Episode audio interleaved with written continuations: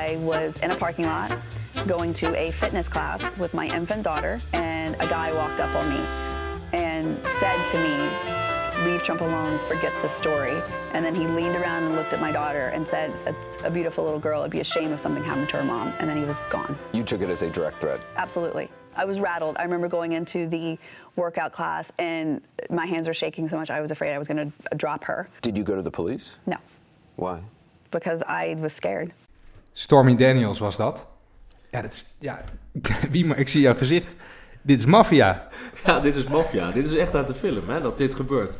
Ehm, dat je dat als president allemaal kan maken. Dat er dan een, een pornoster op tv dit allemaal gaat vertellen. En vervolgens, wat gebeurt er met de populariteit van Trump? Die gaat omhoog. Die is hoger dan, eh, die, is hoger dan die in maanden is geweest. Ik heb het net nog even opgezocht. Wouter, laten we jou nog even introduceren. Je bent er weer. Ja, ik ben weer terug. Fijn. Wat Leuk. heb je gedaan? Geschiet. Eh, ja, ik heb geschiet en eh, allemaal mooie dingen. Maar eh, ja, dit, is, dit is echt prachtige gekte. Ehm, eh, hij heeft dus, Trump heeft iemand bedreigd of laten bedreigen, zwijggeld beta- be- betaald, een affaire gehad met een pornster. En de, de, we vinden het helemaal niet meer zo raar. en haar Dat met is- de dood laten bedreigen in het bijzijn van haar kind. ja. Dat zijn vier ehm, vergrijpen waar je vroeger voor één van die vier gewoon kon aftreden, denk ik. Vroeger was je al drie keer impeached. Dat, dat is, het is onvoorstelbaar. Ik, ik denk dat er twee opties zijn. Of mensen zijn echt helemaal gek geworden. En we komen er op een gegeven moment achter dat er in Amerika gewoon iets in het water zit. Waardoor mensen allemaal gestoord zijn. Lode pijpen Dat, scenario dat, is- bedoel dat, je? dat is optie 1. optie 2 die ik voor me zie is dat iedereen met z'n allen doorheeft dat het eigenlijk geen sodemieter meer uitmaakt wie de president is. Dat is gewoon, nou, we hebben gewoon een onder een muppet, freakboy aan de top. En die mag gewoon doen wat hij wil. Ja, dat zijn de ik twee denk dat het scenario's. wel is. Ik denk dat het gewoon is van mensen hebben Trump gekozen. Wisten al voordat ze hem kozen dat het een beetje een vreemde man is. Grabbed hem bij de pussy was toen al, hè, dat hele verhaal. En nu is het gewoon van, oké, ja, dit eh, bevestigt wel eigenlijk alles wat we wisten. Dat hij vreemd ging, dat hij eh, eh, een beetje ruw is, dat hij... dit bevestigt gewoon alles. Maar zijn Amerikanen dan prima. gek of maakt het gewoon geen bal uit wie de president is? Nee, ik denk dat het wel uitmaakt wie de president is. Maar hier is gewoon de bevestiging van wie iedereen al dacht dat Trump was. Dus, zeg ik net hier voor de uitzending, ik denk dat er een aantal, weet je, white trash, boze mannen in Amerika die op Trump hebben gestemd, ergens in het zuiden, bier drinkend, nu denken, als ze het allemaal voorbij zien komen van, ja, oké. Ja, maar zijn dat had ik eigenlijk ook wel gewild als ze naar een eigen vrouw kijken. Dat is een mooie, dat is een mooie, is een mooie, to- een mooie touch, Wimar. Maar dat is, dat, zijn approval rating is boven de 40% eh, nu. Wat Ja. gewoon best, eh, nou, best behoorlijk is, laten we het zo zeggen. Ja. Ik denk dat... eh, kijk, de Amerikanen zijn gek geworden. Dat is, dat is duidelijk. Maar ze zijn niet allemaal gek. Eh, ik denk dat, ze, dat het ze daadwerkelijk niet uitmaakt... wie er precies in het Witte Huis zit... als hij maar ongeveer doet en roept wat zij, wat zij willen. Dat je verder ook nog dingen met pornosterren doet... Who cares? Boeit ja, je dat klopt. niet. Maar dus, de Amerikanen vinden het niet meer interessant of hun president zeg maar, een moreel boegbeeld is. Nee, hè? Dat, totaal dat boeit ze niet. niet meer. Nul. Hè? Dus eh, je kan al zeggen bij hoe heet het? De, de affaire van, eh Van Monica Lewinsky. Van Lewinsky. Ja, Inderdaad, dan was het nog, oké, de president doet het met een stagiair, dat is verschrikkelijk erg. En Ik vind het erger eigen eigenlijk ook. Ja, ik vind het ook eigenlijk erger. ja hij heeft haar niet met de dood laten bedreigen... maar verder is het erger. Ja, in de zin van, ja, weet je, Dit dit is- is, dit is- dit is, dit is- oké, in het Witte Huis, onder de, de onderdaan, de stagiair, 18 jaar, 18 jaar was hij. Het, dit, is, dit is dan, ja, dit, dit, dit is ook erg, maar van een ander niveau. En ik denk dat het inderdaad gewoon de bevestiging is van, oké, we wisten al dat Trump zo was. En we verwachten ook geen morele standpunten van deze man, want dat is toch kansloos. We verwachten vooral dat hij probeert onze werk voor de arbeiders in, eh, in Amerika te behouden. Dus goed dat hij even de staaltarieven erop gooit. En we verwachten vooral dat hij sterk is in het wereldtoneel. Dus dat hij even tegen Noord-Korea aan de slag gaat. Ja. Dat verwachten ze van hem. En voor de rest, ja. Zolang hij dat doet, mag hij gewoon alles doen wat hij wil. Alles. Hij zei tijdens de campagne ook: ik kan nu iemand doodschieten op Fifth Avenue en het zou me geen kiezer kosten. Hij had gewoon gelijk. Die man is een genie. Een visionair. Die zag het. Die heeft de Amerikanen echt door. Ja, ik zie het scenario wel voor me waarbij de- vooral de Amerikaanse onderklasse nog meer pist gaat worden als ze ehm, Trump te ver vinden gaan. Maar dat duurt nog heel lang, hè? Ja, dat, dat- gaat dat nog vinden. even wat eisen. We hadden toevallig... Hoe, wat moet hij nog doen voordat ze hem te ik, ver ik, vinden? ik kan het zo gek niet verzinnen. Dit zit niet in Nee. mijn voor, voorstellingsvermogen. Twee mensen doodschieten op. Ja, sorry. Ik- ja, ja. Met, een, met een hakmes losgaan op Times Square of zo. Ehm, ik, ik kan... eh, maar het, het, het, hij is natuurlijk, eh, de, de, de elites van Amerika steunen hem omdat ze het zien als een soort van strohalm. Laten we daar maar dan aan vasthouden. Eh, maar als het Ja, maar volk, dus als die boze man die op zijn bank zit, die nu zegt, oh zo'n pornstar had ik ook wel gewild. Als die het niet meer pikt, als, als ze diens morele grenzen echt te buiten gaan, ik weet niet wat die zijn, Nee, maar kijk, dan, dan gaat het mis. Ja, je, je bent heel in de war, Wouter.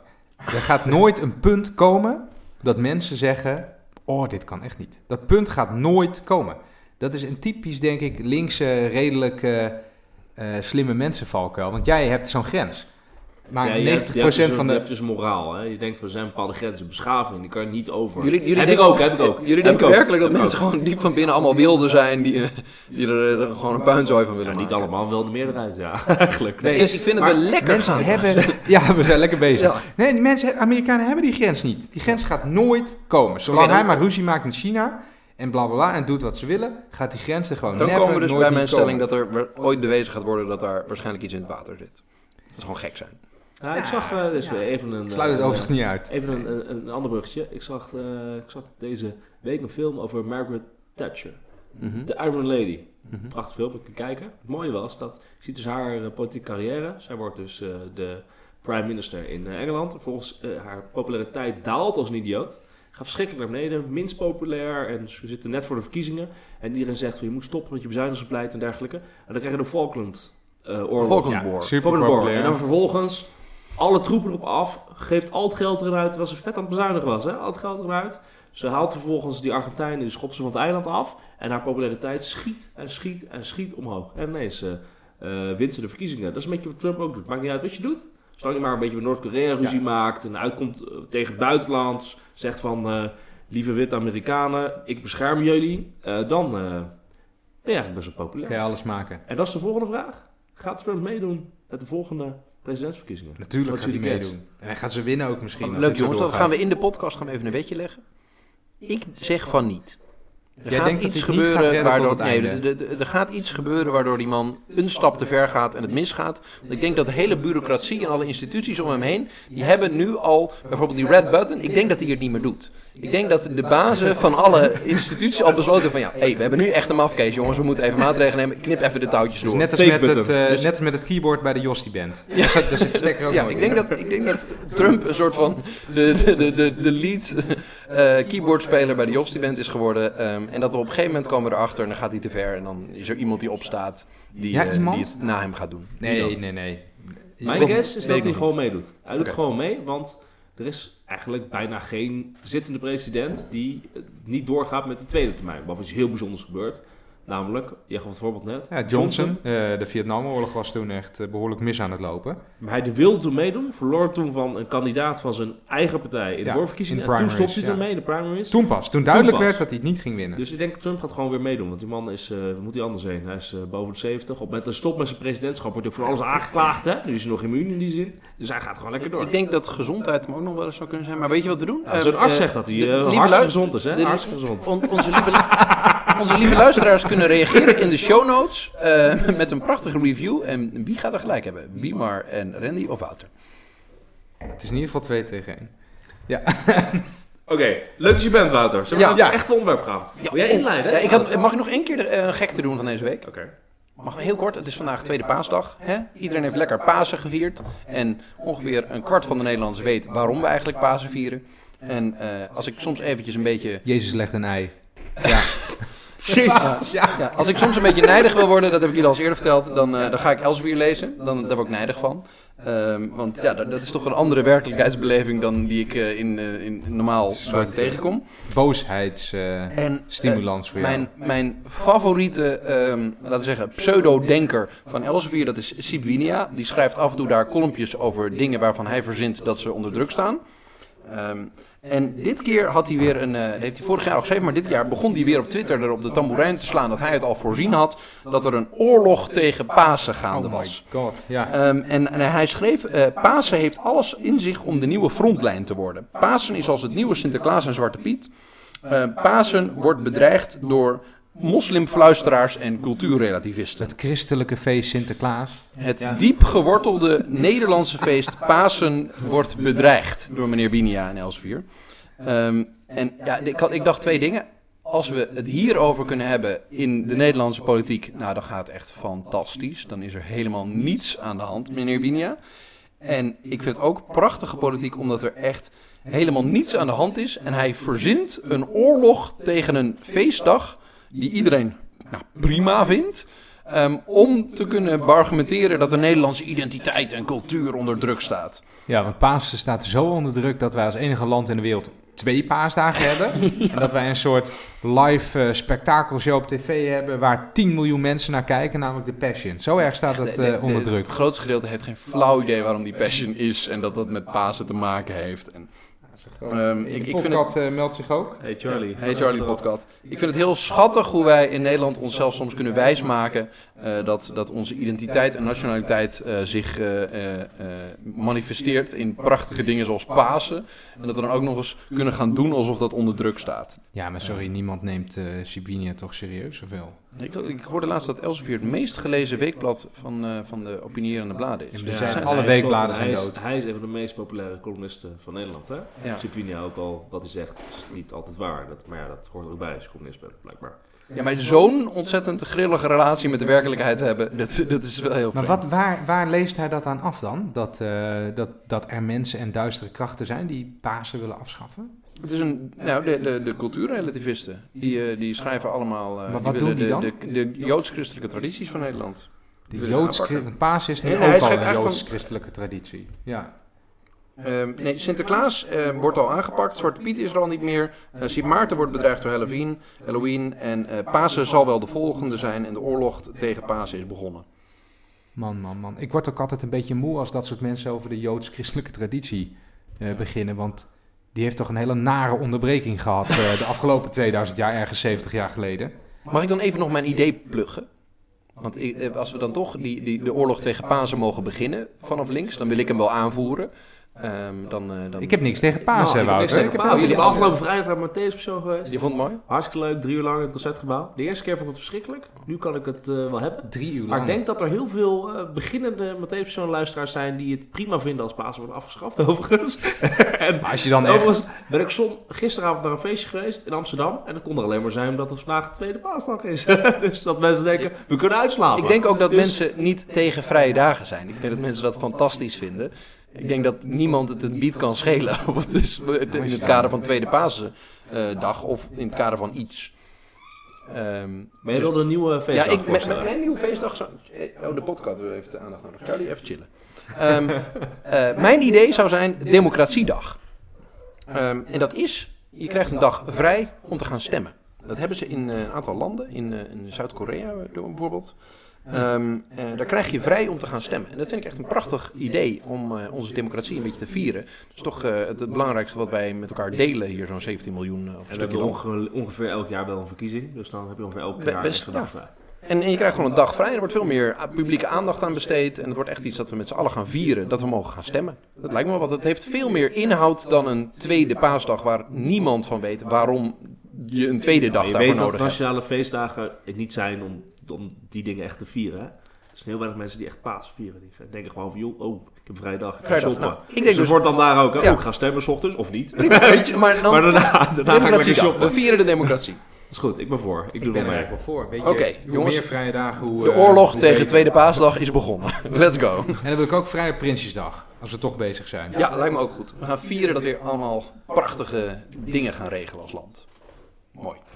Ja, dat we het geld ook weer gaan uitgeven. Ja. Ja. Nou, kunnen we tweede Pinksterdag ook opdoeken. Ik heb Oh, echt oh, oh, oh. Je weet niet meer wat het is, hè? Ik Tweede weet niet wat het is. Weet jij wat het is? Ja, nou, je hebt de eerste Pinksterdag en dan bedacht daarnaast tweede Pinksterdag.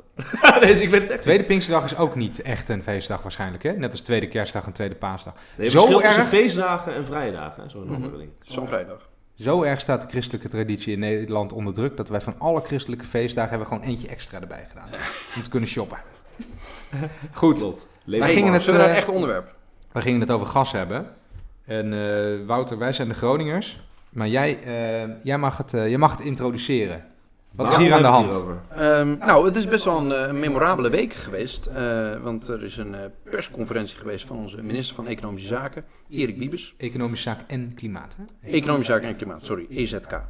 Ehm, en in die persconferentie heeft hij eigenlijk eh, heel duidelijk gesteld: eh, we gaan de gaswinning in Groningen stoppen. Dat was de, de hoofdboodschap. Ehm, en nou, dat is na, nadat we in eh, 1965, heb ik het even teruggezocht, eh, begonnen zijn met gaswinnen in het, eh, in het Groningerveld. En eh, rond 1975 aan de top kwamen met eh, 88 miljard kuub per jaar aan gas naar boven halen. En een flinke plus op onze eh, begroting. Eh, is dit echt een, een, ja, een, een van de meest historische dingen die we in ieder geval de afgelopen jaren gedaan hebben. Dat we stoppen met het boren van gas in, eh, in Groningen.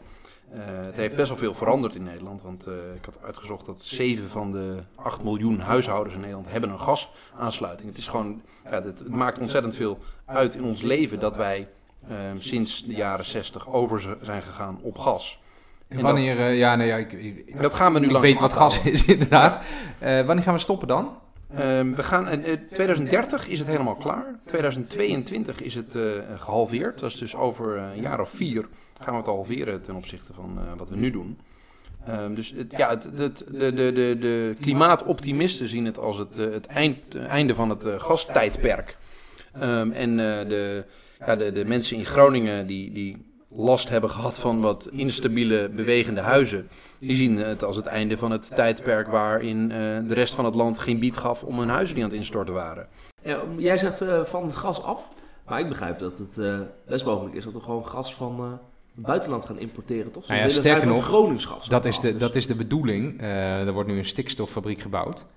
Iets met hoogcalorisch en laagcalorisch, toch? Kan je Ja, uitleggen wat er nou, ik heb wel eh, natuur en techniek gedaan, ooit, toen ik op de middelbare school zat. Eh, maar eh, de, de bottom line is, het zijn twee verschillende soorten gas. En je kan het ene gas niet zomaar hier in de cv-ketel pompen.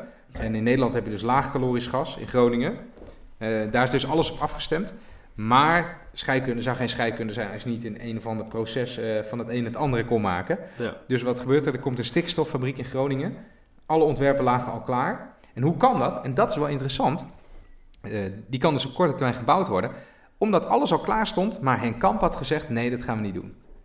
En eh, dat is toch wel een touch aan dit hele verhaal. Want Henk Kamp die komt hier toch wel een beetje als het, als het sukkeltje uit, eh, Ja. vind ik. Want Die heeft Wiebus doet ook niet de moeite om dat te verbloemen, hè? Die, Nee, die- ja, die gaat nu alle totaal shine naar zich toe, Wat, eh. wat Kamp niet wilde. Nee. Dat, die, die stikstof... eh Hey, maar die kost Randy- 500 miljoen, hè? 500 Ja. miljoen was natuurlijk vroeger Het gaat geld nergens over. 5 Ja. miljoen. Maar het idee is dus, want we vergeten we even, Groningen en het gas. Dat schijnt dus 20.000 arbeidsplaatsen op te leveren daar in Groningen. Dus je moet natuurlijk, als je het allemaal gaat afsluiten in 2030, heb je zo'n vervangend werk nodig. En die stikstoffabriek, dat gaat dus arbeidsplaatsen opleveren. Nee, heel goed. Ik vraag me ook echt af Het of is- die maar 20.000 dit is wel mooi om te beschrijven. Groningen zit er natuurlijk een beetje, een beetje ambigu in, een beetje dubbelzinnig. Want je hebt daar enerzijds, eh, ik heb het altijd even opgezocht, ze hebben ongeveer 80.000 meldingen van schade gehad eh, sinds eh, 1990. Dus schade aan, eh, aan huizen, waarbij mensen hebben aangeklopt eh, bij de staat eh, om een eh, vergoeding te krijgen. Ehm, maar je hebt ook een hele hoop mensen, ik ken zelf ook veel mensen die, waarmee ik gestudeerd heb of op school heb gezeten, die iets gasgerelateerds doen in Groningen. Veel van de hoogopgeleide banen die er zijn in Groningen zijn gerelateerd aan de, het, het Groningerveld dat daar eh, onder de grond ligt. Dus aan enerzijds heb je mensen die de pineut zijn, die in het gebied eh, eh, wonen waar aardbevingen zijn gekomen. Anderzijds heb je de banen die er in een krimpgebied zijn, die gasgerelateerd zijn. Dat is dubbelzinnig, maar de, de algemene opinie in Groningen is, is, was euforisch. Dat dit Ja, ja, maar dat echt zou, heel eh, mooi is. Het zou dus heel verstandig zijn als, eh, als er iets van hoogopgeleide banen en ook andere banen eh, naar Groningen toegespreid worden. In reactie op dat dit gas, eh, Ja. eh, gasveld dichtgaat. Maar ik wil even, vind ik een leuke vraag om even aan jullie te stellen. Waarom doet het kabinet dit nu? Dat, dat vind ik wel... Ja, dat het als een, als een, als een Jullie tier als gaat met de economie nu.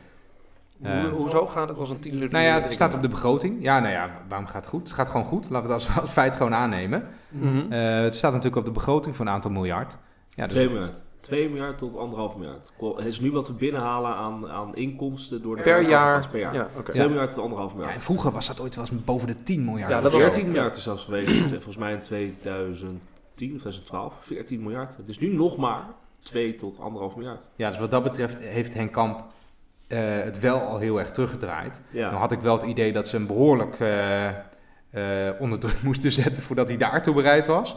Eh, maar goed, eh, Wiebes, die, Wiebes die draait het laatste stukje dicht. Ja, en die neemt de, de, de credits. Die, die, Ja. die haalt even de, de politieke buit binnen. Wat dit vooral laat zien is dat Nederland is gewoon het land van de boekhouders. Dus op het moment dat het goed gaat met de, met de overheidsfinanciën, dan zeggen we oké, we kunnen dit soort vervelende zaken wel aanpassen. Maar dus wie- wie maar kan en even Kamp was er al een beetje mee bezig van oké, de Ja. crisis is voorbij, het gaat beter met de overheidsfinanciën, dan schroeven we hem langzamerhand een beetje dicht. Je noemt ons, je dicht. noemt ons een land van de boekhouders, maar we hadden het net over feestdagen. Wij zijn volgens mij ook het enige land eh, in de wereld waar de koning in een gouden koets eh, op een soort feestdag eh, de begroting naar het parlement Dat toe is dan ook het, het wildste wat deze boek, dit boekhoudersland doet. Hè. Dat is het allerwildste wat wij doen. Maar Liemar, kun je me even uitleggen ehm, eh, rondom... het gaat nu goed met de economie. Ehm, nu wordt zo'n besluit genomen van we gaan langzaam van het gas af. Dat, dat gaan we afbouwen in, in tot en met eh, 2030, dus in 12 jaar. Ehm, maar dat, dat betekent niet dat wanneer we dat daadwerkelijk afgebouwd hebben, dat het dan nog goed met de economie gaat. Dus we zijn eigenlijk nu een besluit aan het nemen dat pas over een tijdje zijn impact gaan hebben. En we hebben geen flauw idee hoe het dan met de economie ervoor staat. Ja, op lange termijn is het lastig. Maar je ziet bijvoorbeeld dat. eh, hè, je hebt dan eh, het Straplanbureau, en dat zijn dan de rekenmeesters. Die maken voorspellingen over de economie. Ze hebben net vorige maand een nieuwe voorspelling uitgebracht. En die is weer beter dan de vorige als het gaat om overheidsfinanciën. Dus zij zeggen van volgend jaar is het positieve saldo van de overheid is 0,9% bbp. In gewone mensentaal, dat is zeg maar 7 miljard.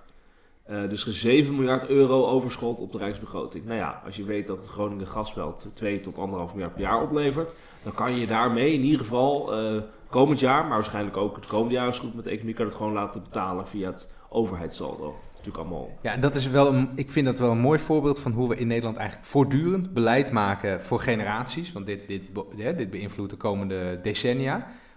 Op basis van hoe het nu, gewoon letterlijk nu, met de economie gaat. Ja, dus het gaat nu goed met de overheidsfinanciën. Dus we hebben genoeg geld om voor 500 miljoen een stikstoffabriek neer te zetten. Om te zeggen, we gaan het afbouwen.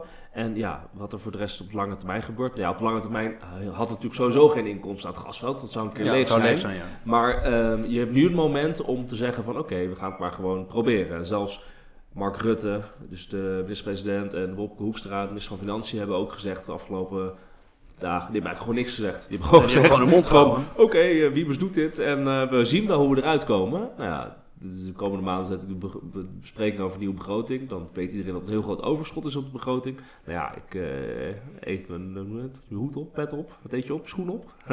op het moment is, Kan allemaal. Alles. Voor mij mag je dat op het moment dat het niet gewoon voor gedeelte in het saldo gaat. Ja, de, Ja. Wiebes zei het eigenlijk heel mooi. Die zei, liefde gaat door de maag, draagvlak gaat door de portemonnee. Ja, maar dat ging niet alleen over...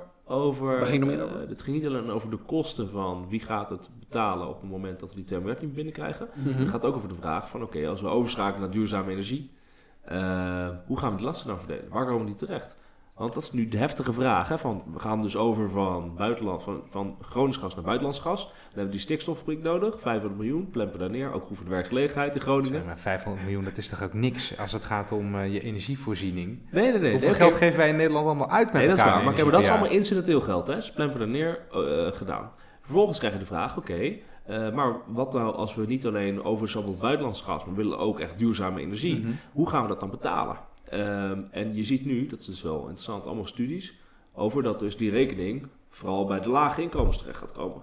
Maar dat, Eh, dat, ja. dat is toch geen natuurgevolg? Nee, zo? dus dat, bij dat is iets beleid zeggen we verzinnen. als je nu niks doet, Ja? dan komt die rekening eh, terecht bij de, bij de lage inkomens. Dat, dat komt, dus, maar even En voor de, is nu de berekening, er is nu berekening ehm, eh, onderzoek op basis van een opdracht van Milieudefensie. Die zegt van oké, in 2021 zien de lage inkomens hun eh, rekeningen voor energie-gas zie je met 4,2% van het inkomen toenemen. Stijgt 4,2%. Hoge inkomens 1,2%. Dus er zit daar een soort eh, onevenwichtigheid in.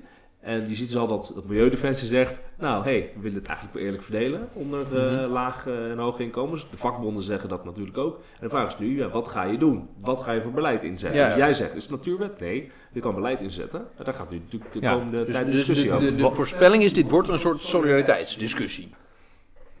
Nou ja, ik dat moet je hopen dat het het wordt. Hè. Ik denk eh, ehm, dat heel veel mensen helemaal niet bereid zijn om eh, die klappen op te vangen voor, eh, voor mensen met een kleinere beurs. Daar, daar, daar zou ik voor vrezen. Ja, dat is het grappige, het, grappige, het interessante wat nu gaat gebeuren. Namelijk, Wiebes heeft natuurlijk twee maanden terug die brief gestuurd aan de grote bedrijven. Volgens mij aan 200 tot 300 grootste of meest energieslurpende bedrijven van Nederland. Van, jullie moeten van het Gronings gas af. Of een overstap op buitenlands gas. Of jullie moeten gaan verduurzamen. eh, want eh, jullie moeten uiteindelijk allemaal van, van, van Groningen af. Moeten mee kappen. Dat heeft u gestuurd. En de vraag is nu van ja, hoe gaat dat nu? Gaat inderdaad de rekening bij die grote bedrijven terechtkomen? Of wordt het allemaal eh doorvertaald naar, naar de gewone huishoudens? En nou, als, wat als? Wiebes, als dan zegt, hè, van oké, het kabinet, oh sorry, het liefde gaat door de maag, maar draagvlak door de portemonnee. Dat is nu de vraag, hoe gaat het doorvertaald worden? En volgens mij wil Randy wat zeggen over dat het sowieso doorvertaald wordt aan de huishoudens. Nou, als, ja, da- dat was niet het hoofdpunt wat ik wil maken, maar inderdaad, eh, je hoeft niet heel cynisch te zijn om te weten dat de rekening altijd bij eh, gewone huishoudens terechtkomt. Eh, een ander cynisch punt wat ik even wou maken is, dat Groningen gasveld, dat is nu al voor twee derde leeg, voor meer dan twee derde. Dus ik vraag me ook in de eerste plaats af hoeveel er nog in zit. Als we gewoon dit afbouwpad volgen, wat Wiebes nu heeft ehm, Ja, het, is ook niet, het is niet zo heel radicaal Nee, eigenlijk. is het niet sowieso bijna helemaal op? En het derde punt dan, die grote bedrijven die jij noemt, die hebben natuurlijk al lang bedacht dat dat gas uit Groningen, waar het dus om gaat, dat is, zo, dat is al bijna op. Dat is nu al bijna op. Dus die hebben sowieso plannen en voorzieningen over hoe ze dat gaan ombouwen.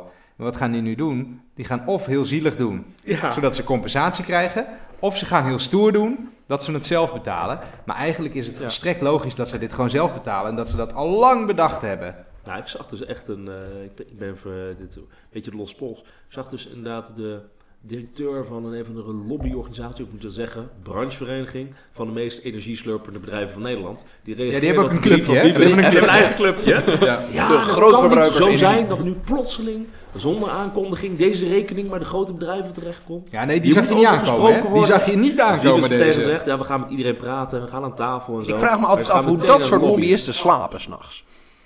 Als een baby, denk ik. Als Oh, een baby. nou, oh, ik heb lekker gelogen over energie. Ik geloof het zelf niet, maar ik zeg het wel. En Als ik heb een mooie auto. Bij 21 graden. Ja. Hey, maar wat, eigenlijk wat we dus zeggen is dit, is, dit is politiek super slim. Want je kondigt iets aan wat er eigenlijk al aan zat te komen. Je kondigt iets aan waar, waar de maatschappelijke druk vanuit Groningen echt tot het, tot het kookpunt bijna was gekomen. Dus je, je, je houdt dat, die provincie lekker in toom, die zijn we weer tevreden. Je kondigt iets aan wat de, de, de verduurzamingslobby in Nederland echt eh, een tijdje eh, eh, zoet houdt.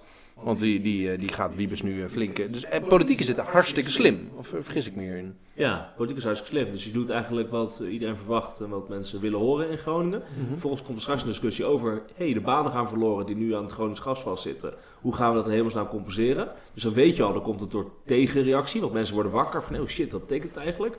Ehm, dat betekent dat het draagvlak kriebeltjes krijgt of scheuren krijgt. Van, oh, misschien moeten we het toch maar niet doen. En vervolgens komt nu de vraag, wie gaat het betalen? Wie Die- gaat die- hemelsnaam de rekening betalen? Die verduurzaming die Ja, we dan eh dus je kan als, als kabinet kan je gewoon zeggen van wij hebben de stap naar voren gezet. Wiebes heeft alles gedaan wat hij moest doen.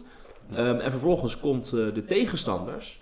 Ja, die, komen nu, eh, die gaan nu proberen deze actie tegen te werken. Want die zien hun arbeidsplaatsen verdwijnen of die zien hun financiën geraakt worden. Ja, maar dan, dan, dan zou ik gewoon nog een keer mijn eh eeuwenoude pleidooi houden voor spreiding van banen ook naar buiten de Randstad. Eh, Eh, dit is een mooie aanleiding om dat te doen. Dit is een mooie aanleiding om wat Moet je dat actief doen als overheid? Ja, dat moet je actief doen, denk ik. Want ehm, als je niks doet, dan, dan trekt het allemaal naar het centrum toe. Dan trekt het allemaal naar Amsterdam en de Randstad toe.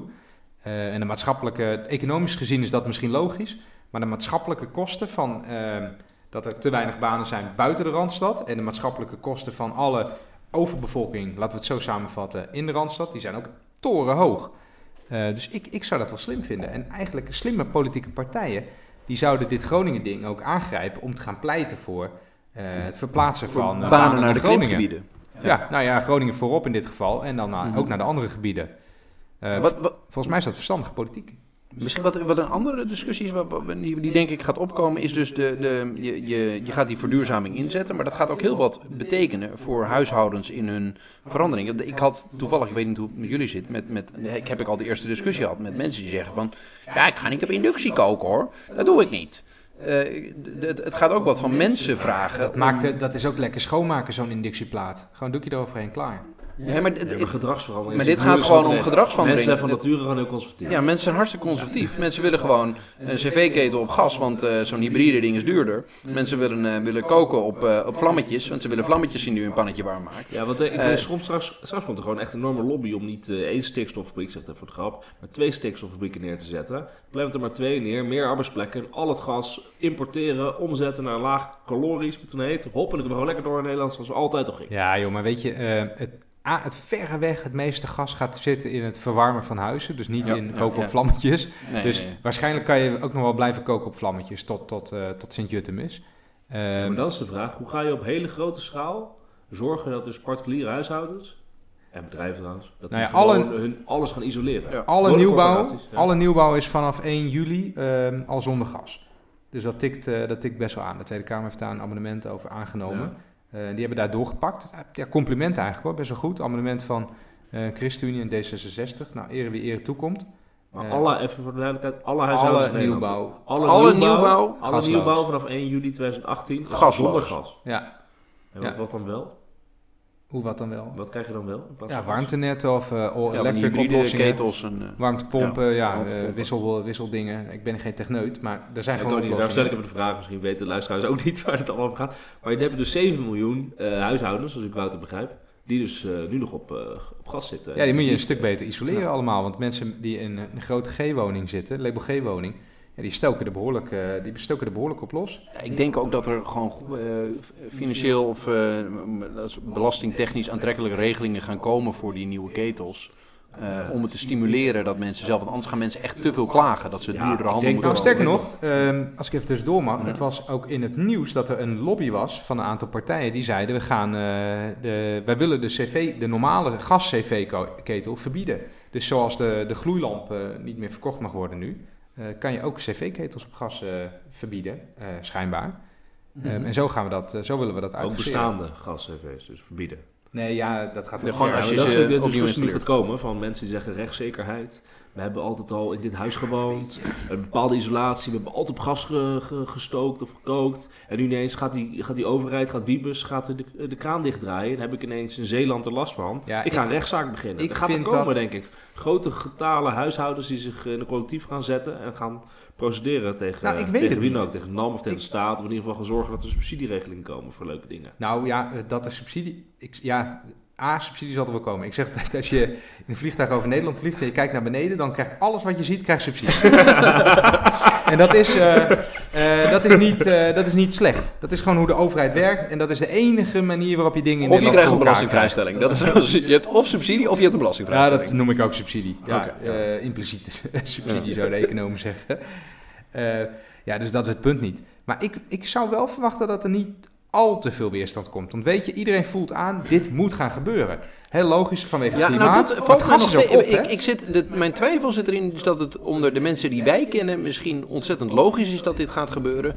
Ehm, maar dat solidariteit met de Groningers eh zo ver gaat tot het punt dat het jou niet in je portemonnee raakt. Nee, maar het is Dat niet alleen die- solidariteit. Het is ook gewoon op. Het gas is gewoon op.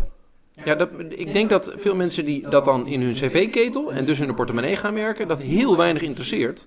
Ehm, want ik heb gewoon geen zin om eh, veel meer voor mijn energie te gaan betalen. Nee, maar weet je wat je dan krijgt? Eh, dat vind ik wel, dat is wel een reëel punt natuurlijk. Eh, mensen gaan op een gegeven moment ehm, zeuren als hun energierekening te hoog wordt. Nou, wat krijg je dan? Energiesubsidie. Net als de hypotheekrenteaftrek, die hebben we afgeschaft. Dus wat, dat, we moeten toch iets met het geld. Dus gaan we energiesubsidie geven ooit. Dat is heel logisch. Mensen Ja, maar gewoon dat is geen de te hoog- vraag. Wat van aan mensen die dus inderdaad in eh, huurhuizen zitten? Particulier. Nou ja, de corporatiesector die heeft eh, al een poosje een doelstelling om hun, om hun huizen te verduurzamen tot label B, geloof ik in 2020 of 2022, is best wel dichtbij. Nou, die zijn echt eh, rap bezig. Nou, die zijn lekker bezig, ja. Als je eh, dus vanuit gaat dat de lage inkomens in sociale woningbouw zitten. nou ja, de laagste, dan de ja. laagste inkomens, dan hebben die, eh, zien die hun energierekening niet al te veel stijgen, als ik jou zo begrijp. Nee, en er zijn wel wat regeltjes voor dat de huur dan ook ietsje hoger wordt. Hè, Om Ja. er weer een deel van de, van de investeringskosten weer terug te pakken. Eh, maar dat is goed. En dat kun je ook zien dat marktwerking, dat is mooi. Eh, maar eh, dat je zo'n sector hebt die je ook gewoon een, een opdracht kan geven als regering om te verduurzamen. Ja, dus Nou, dat het is ook mooi. collectief, Hè? Doet ook collectief. Dus je gaat gewoon een hele rits huizen met één opdracht allemaal verduurzamen. Ja, en dat, maakt het ook goedkoper. Ja, dat klopt. Dus dat is het interessante bij al die particuliere huishoudens. Zowel koop als, als huur. Van hoe ga je dat doen? Dan moet je dus een grote collectieve, moet dat blijkbaar dat gaan, eh, als je het goed, goedkoper wil doen, moet een grote collectieve gaan verduurzamen. Nou, wat ik wel voor me zie is dat dat op den duur eh, per wijk, eh, dat er één grote aanbesteding komt, dat al die woningen één keer verduurzaamd worden. Eh, maar dat is, wel, dat is wel lastig te or- organiseren, denk ik. eh. wel lastig te organiseren. Ja. Er nog subsidie op op een of andere manier, anders doen mensen het natuurlijk niet. En ze willen zo ontzorgd worden, want je moet niet aan denken dat je het allemaal zelf moet regelen. Moet bedenken wat allemaal verduurzaamd Ik zou niet weten wat hier moet gebeuren, inderdaad. Nee, nee, ik zou het echt niet weten. Ik heb er wel eens over nagedacht, Maar maar, ik daarom heb denk geen ik idee. dus nog steeds, ik ben er dan, eh, misschien, ik weet niet of cynisch goede woord is, maar ik ben er wat voorzichtiger in. Ik denk dat er dus een behoorlijk grote lobby komt richting, wat Wouter ook al zei, eh, stikstoffabriek, buitenlands gas importeren, alles omzetten en gewoon door zoals we het allemaal al deden. Want Nederland is van nature toch best wel conservatief voor dit soort dingen, denk ik. Ik bedoel, de centjes, GroenLinks ja. is niet de grootste partij van Nederland. Hey, maar een ander eh, idee zou kunnen zijn, is dat ehm, dit over, als we over 20 jaar, weet ik wel, of 10 jaar kijken we terug, dat dit een soort van energiewende zou kunnen zijn, zoals die in, in Duitsland hebben gemaakt. Dat we nu het, pu- het punt hebben gehad dat dit moment, dat, dat is waar misschien meneer Wiebes s'avonds van droomt als hij eh, thuis komt en zegt van, oh ja, over 10 jaar praten ze nog over mij. Ja, we horen dit al Ik heb 30 het gedaan. jaar. Al, al 30 Nee, maar 40 zou dit, zeggen zou dit het punt kunnen zijn waarbij we, we hebben sinds, sinds kort een conservatief kabinet. ehm, en die gaan dit soort duurzaamheidsmaatregelen nu als normaal zien. Gaan we hierop terugkijken dat dit een, een breaking point is? Ik ben er cynisch. Om de context waar ik dus denk van...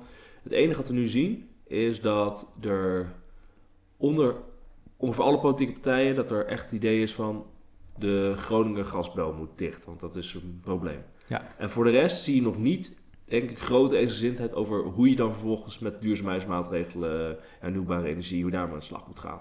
En ik denk dat het eh, dat uiteindelijk dus een tussendrang is naar op dezelfde voet verder maar importeren het gas. Ja, weet je wat ik denk? Energie, als het gaat om klimaat, dan gaat energie niet, niet het punt zijn. Want eh, zonnepanelen worden exponentieel beter. Mhm. Eh, dat is net als een soort Moore's Law. Ja, jij Ja. bent de ICT'er, maar met, dus net met microchips. mhm. Die, worden, die ex- worden exponentieel beter. Zonnepanelen ook. Ja. Eh, dus die worden gewoon ontzettend goed. Eh bouwen van windmolens op zee wordt ieder jaar goedkoper. Ieder, record, ieder ja, jaar wordt het record gebroken. Dat doen we toch ook nu en masse. Eh, park per park wordt er besteld. Ja, het gaat maar door. En ook nieuwe energiebronnen zoals kernfusie, daar wordt ook iedere week een doorbraak eh, in gemeld.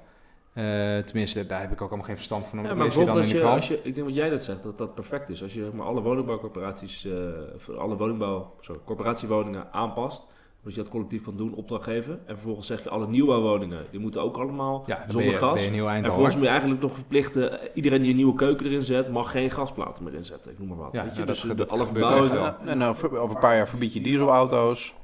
Eh, Die zijn, al, die zijn al zo goed als die zijn al bijna verboden. Ja. De tax op benzine gooi je nog eens eh, Ja, maar een, een gaat eindje het omhoog. gebeuren de- bij verbouwingen? Dat, dat, dat dan gezegd gaat worden van oké, je mag gewoon verbouwen, maar hey, niet meer op die oude, oude technieken die zo vervuilend zijn. Gaat Nou ja, gebeuren? daar is nu, Dat eh, er dat is wel denkbaar. Hè? Je hebt nu uh, Diederik Samson, hij is teruggekomen uit, eh, uit, uit hoe zeg je Wat dat? wil je zeggen? Uit de dood? Hij was- Hij was op een retraite. Ik wou zeggen uit de politieke dood, maar dat, eh, toen, toen haperde ik, omdat ik dacht dat is zo onvriendelijk. Maar toen Oh, riep ja, jij het. Nou, hij is even... Misschien luistert hij wel. Hij is even op de, ja, ongetwijfeld. Hij is even op de achtergrond geweest, maar eh, hij is weer terug. Eh, heel prominent, namelijk als eh, leider, voorzitter van een soort tafel waarin dan over de gebouwde omgeving wordt gesproken. Ja, bij de CER, een klimaatakkoord daar. eh, Ja, precies. Eh, hoofdlijnen dat- moet er een klimaatakkoord komen voor de zomer. ja, nou ja, En hij doet een van de tafels. hij is wel daadkrachtig, dus hij zal, wel, hij zal, hij zal met wat maatregelen komen, eh verwacht ik. Eh, dus ja, maar weet Maar je... de, de grote discussie bij de, ook dat klimaatakkoord zal waarschijnlijk zijn, dat is misschien niet eens voor de zomer, misschien daarna, van uiteindelijk moet het betaald worden. Al Ja. die leuke klimaatakkoord dingen. Ja. Ehm, en hoe ga je dan de rekening daar betalen? Hè? Want, eh, wie Ja, wat zijn de opties geweldige- Nou, maar jou, kijk, wat jij net zei, van, is het natuurwet dat de lage inkomens het meeste betalen? Als je vanuit gaat dat eh, bedrijven, verhuurders, het allemaal gewoon doorrekenen naar de huishoudens. Nee, het is geen natuurwet, maar het is natuurlijk wel een politieke discussie hoe je die, die rekening dan gaat Ja, betalen. Ja, maar dat, dat is ook de van interessante discussie, denk ik. ja, aan het eind van de rit, ook bij het klimaatakkoord, moet daar natuurlijk een, wel een, eh, een, een, een soort eh, akkoord over zijn met elkaar. Dat wordt wel lastiger. Ja, maar weet je, dan verzin je iets. Of je versmertst het, of je doet het naar, naar draagkracht. Oh, hè, ik met versmertst bedoel ik of iedereen eh, hè, een soort vast bedrag, of naar draagkracht, of via de begroting. Het moet toch gebeuren. Ja, dat is waar. Ja, dus dan is hoe je dat betaalt, is gewoon een praktische uitwerking daarvan. Maar het punt wat ik, wat ik zou willen maken is, ik denk, ehm, qua energie wordt het wel opgelost. Of door techniek, of door beleid. Kom maar goed. Ja. Eh, maar ons klimaatprobleem gaan we denk ik niet oplossen, want eh, het vliegverkeer groeit ook ieder jaar met 15%, omdat iedereen vindt dat hij drie keer per jaar intercontinentaal Dat, vakantie dat, moet. dat, wil ik, daar, wil ik- dat vind ik het interessante van. Is dit nou een kantelpunt? Dat we met z'n allen hebben geaccepteerd. Oké, we moeten radicaal vergroenen. We moeten alleen nog maar Nee. eh, huizen zonder gasaansluiting bouwen. We moeten, eh, eh, of is dit gewoon, ehm, is de druk op Groningen te groot geworden en snappen we dat die gasput daar toch bijna leeg is? Ja. En kunnen we een klein snoepje toegooien aan de groene hobbyisten en kunnen we voor de rest gewoon blijven doen wat we al deden? Zal ik het ultieme bewijs geven dat het geen kantelpunt Dat het is. business as usual is. Afgelopen donderdag, toen Wiebes dus bekend maakte, na de ministerraad, dat dus de Groningen gasbel dicht zou gaan tot eh, in uiterlijk in 2030. Toen kwam er op dat moment, stuurde, zijn, eh, stuurde hij eigenlijk een andere brief naar de Kamer. Verstopt in alle media van dat moment dat Groningen eh gas onder, onderaan de brieven Terwijl staan. onderaan de brief staat een hele bekende politieke truc om er niet al te veel aandacht op te laten vestigen door de journalisten. Dat is mislukt, Maar want het wordt toch hier even besproken. Hebben we hem toch? NOS. NOS. Ja. Ehm, en eh, het, het verhaal is eigenlijk eh, als volgt. Namelijk, ehm Wiebes heeft toestemming gegeven om te gaan fracken in, eh, in Groningen. In Pieterzel. En, en fracken is een beetje voor... Ik snap er niet zoveel van, want ik ben geen natuurkundige of scheikundige, wie het ook hier moet Fracken is maar- met chemicaliën ja, gas dus winnen. chemicaliën en water in de, de bodem stompen en vervolgens zorgen dat je dan dus gas uit kan halen. En er zijn allerlei milieuorganisaties die zeggen dat het heel schadelijk is. En staatstoezicht op de mijnen heet de club volgens mij, die zegt van, nou ja, het valt allemaal wel mee. Eh Kamp had al gezegd, hey, fracken moeten we kunnen doen. Toen heeft de Kamer heeft hem tegengehouden. En Wiebes heeft nu gezegd, ja, er kan dus gefrackt gaan worden. Eh, dat is Ja. goed voor de NAM, hè? dus de NAM die nu eh, ja, aan de andere kant te horen krijgt dat ze minder gas mogen gaan, eh, uiteindelijk nul uit de Groningenvelden mogen halen. Ja. Maar nu mogen ze dus in Pieterzel, wie weet niet waar het ligt, dus een plaats in het noordwesten van op de, Groningen. op de grens op de van Groningen. grens met Friesland. Dus we niet alleen boze Groningers, maar ook boze Friesen. Pieterzel Oost trouwens. Pieterzel Oost. Pieterzel Oost. Ben je een echte kenner aan tafel. Ja. Maar eh, ja, dat is dus een, eh, een kleine gaswinningslocatie. maar Wiebes heeft gezegd, ja, nu eh, kunnen jullie daar gaan fracken, lieve NAM. En dat Ik vind het wel interessant dit hoor. Dit jaar is nog, hè? precies hoe Nederland De werkt. bedoeling is dat het gasveld in zeven jaar wordt leeggehaald. Ruim voordat de gaswinning in Groningen helemaal beëindigd moet zijn. Een lullig klein veldje dus. eh. Ja, het is in Ja. die zin een klein veldje, maar het is natuurlijk wel totaal tegenovergesteld het bericht dat je niet meer gas wil winnen. En er is daar dus eh, in allerlei plaatsen in het noorden is daar dus nu eh, discussie over. Want eh, het is, wat ook lastig is, is ja... ehm Notabene op, het, op de dag dat het goed nieuws bekend wordt gemaakt, kondigt het ministerie doodleuk aan dat de winning van aardgas bij Pieterzel Oost weer wordt opgepakt.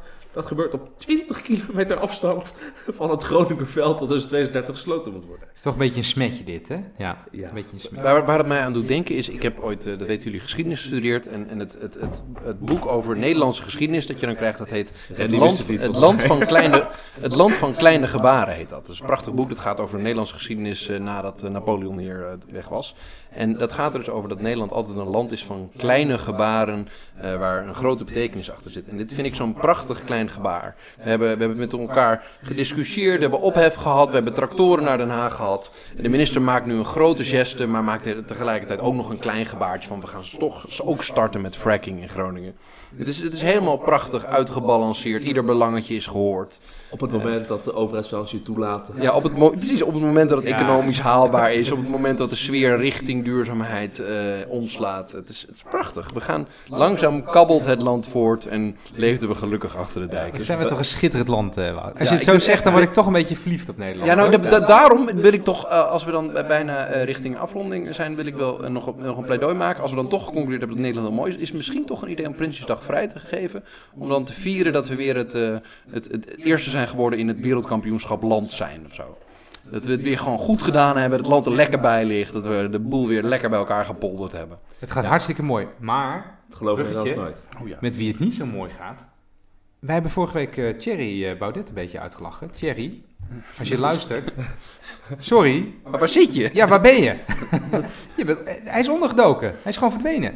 Na dat filmpje, eh, we kunnen het wel even weer, de, we kunnen het wel weer even, dat fragmentje er wel weer even in doen trouwens hier. Sindsdien heb ik niks meer van hem gehoord. Hij was niet uit het nieuws weg te slaan en ik heb nu al een hele week nul Thierry Baudet bericht gehoord. Ik heb gewoon afkikverschijnselen. Ja, ik. Ja, nee, ja, ik... eh, We hebben het ook al de hele tijd over de inhoud. Ja, dat, dat ligt hem niet. Dat ligt hem niet. Het valt ook helemaal stil, jongens. Ja, ik snap ook- dat jullie er beduust van zijn. Van, kijk, ik zat net, dit is gewoon...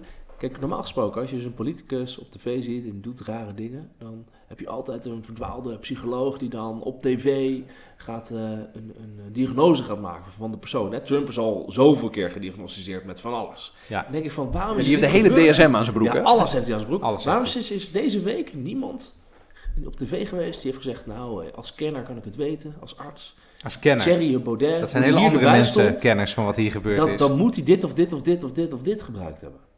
Ik denk dat iedereen aanvoelde, dit is gênant. Dit Ja. is gewoon gênant. Eh, hier gaan we niet meer over hebben. Eh, Het die was killing. Die duikt vast onder. Ehm, Erik Wiebes, kom maar even met een, met een, met een leuk klein gebaar. Mijn dat in voorspelling is doen. dat, net als bij Trump, Ja. dit dus niks, helemaal niks gaat doen met de populariteit van Thierry Baudet. Nou, ik- helemaal niks. Ik weet het niet, wie maar. Want ehm, daar kan je van alles overkomen als politicus. Maar als duidelijk wordt dat jij gewoon echt een mafklapper bent. Dat je gewoon jezelf niet helemaal in de hand hebt. En dat je niet helemaal, eh dat je niet je helemaal dit het overtuigende bewijs. Ja, het was zo... was het niet al eerder. Het had op een of andere manier was het... Nee, ja, dit, dit, dit was anders. Want ehm, zijn eerdere acties waren altijd in de trant van... Er waren ook genoeg mensen die erover zeiden... Ja, dat speelt hij heel slim. Dat doet hij heel slim. Hij loopt iedereen te trollen. Nou, dit was overduidelijk eh, niet dat hij mensen liep te trollen. Hij was gewoon echt... hij was gewoon even het pad kwijt. Om het cirkeltje rond maken, ik denk hier dat Randy gelijk heeft. Ik denk inderdaad dat ooit bewezen gaat worden dat er in Amerika iets in het kraanwater zit. Dat de mensen gewoon gek zijn. Ehm, maar dat, ik heb echt een ongebreid vertrouwen in de gemiddelde Nederlander. Ik denk dat de gemiddelde Nederlander vrij vriendelijk, verstandig, oké is. En dat ze soms door rare charlatans een beetje naar de mond gepraat kunnen worden en ze rare dingen aangesmeerd kunnen worden. Maar als je echt een clown blijkt te zijn, dan ben je weg. Ik Dat, geloof er eh, helemaal geloof ik Weet je waarom? Omdat ehm, Geert Wilders is al jaren op tv, terwijl hij alleen maar aan zijn lippen aan het likken is en rare bewegingen aan het maken Ja, maar dat was lang En niet zo is- vreemd als dit. Ja, dat was lang dat niet zo ook dat gek. je denkt, je, je, zit- je, je zit aan de medicijnen of er is wat anders aan de hand. Eh, en met Baudet is dat nu wel heftiger naar voren gekomen, dat hij daar zo staat. Maar ik denk van, mensen laten zich echt niet afschrikken door eh, rare gedragingen van politici. Ik geloof niks Ja, van. ik moet eerlijk zijn. Ik vind dat Wilders eigenlijk in zijn publieke optredens altijd overeind is gebleven. Ja, dat is waar. Nee, 100% waar. 100% waar. Goed. Volgens mij eh, zijn we ongeveer aan het einde, want het speculeren is, eh Het speculeren is begonnen. We Maar kunnen de volgende we- afleveringen weer, weer op terugkomen. Zien we al een, neergaande trend in de populariteit? Is er al een, is er al een, een poll geweest? Ik heb verzaakt dit op te zoeken. De enige business case van het model Baudet is in het nieuws komen door maffe dingen uit te Ja, halen. dat is hem dan weer En gelukt. hij is Gekapt met maffe dingen uithalen omdat hij één keer door de mand is gevallen als clown. Ja. ja, er is dus toch zoiets als slechte publiciteit. Ja, of gewoon de verkiezingen zijn voorbij en ik ga een week op een pizza zitten. Z- Zul je zien dat hij gewoon op vakantie is. Goed. Lieve luisteraars, bedankt voor het luisteren. Dat was weer leuk, jongens. Ja, Het was Ik ben gezellig. weer- Ik vind Leuk het leuk om weer terug te Ik ben blij dat je goed. terug bent. Ja, Ja. Nou, we gaan nog even een wijntje drinken. Goed, laten we dat doen. Bedankt voor het luisteren en tot ziens.